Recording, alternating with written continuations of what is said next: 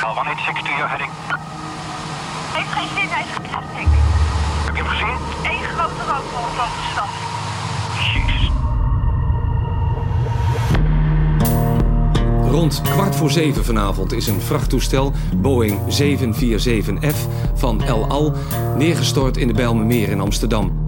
Ik dook onder de tafel. Volgens mij doken we alle vier onder de tafel. Eh, vanaf beneden tot boven staan eh huis in de brand. En je voelde die flat schudden. Er zit hier ook allemaal troep in de lucht. En eh, we merken het ook al met ademhaling. Ik had al twee, drie weken na de ramp het idee van... Nou, hier wordt zo raar met de waarheid omgesprongen. Wat doe je als journalist als je denkt dat er iets niet klopt? Waar is de cockpit voice recorder gebleven?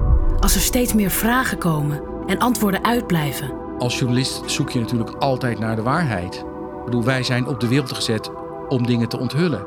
Dan ga je op zoek en probeer je de onderste steen boven te krijgen. Wist de Nederlandse regering eigenlijk wel wat El Al allemaal via Amsterdam naar Israël vervoerde?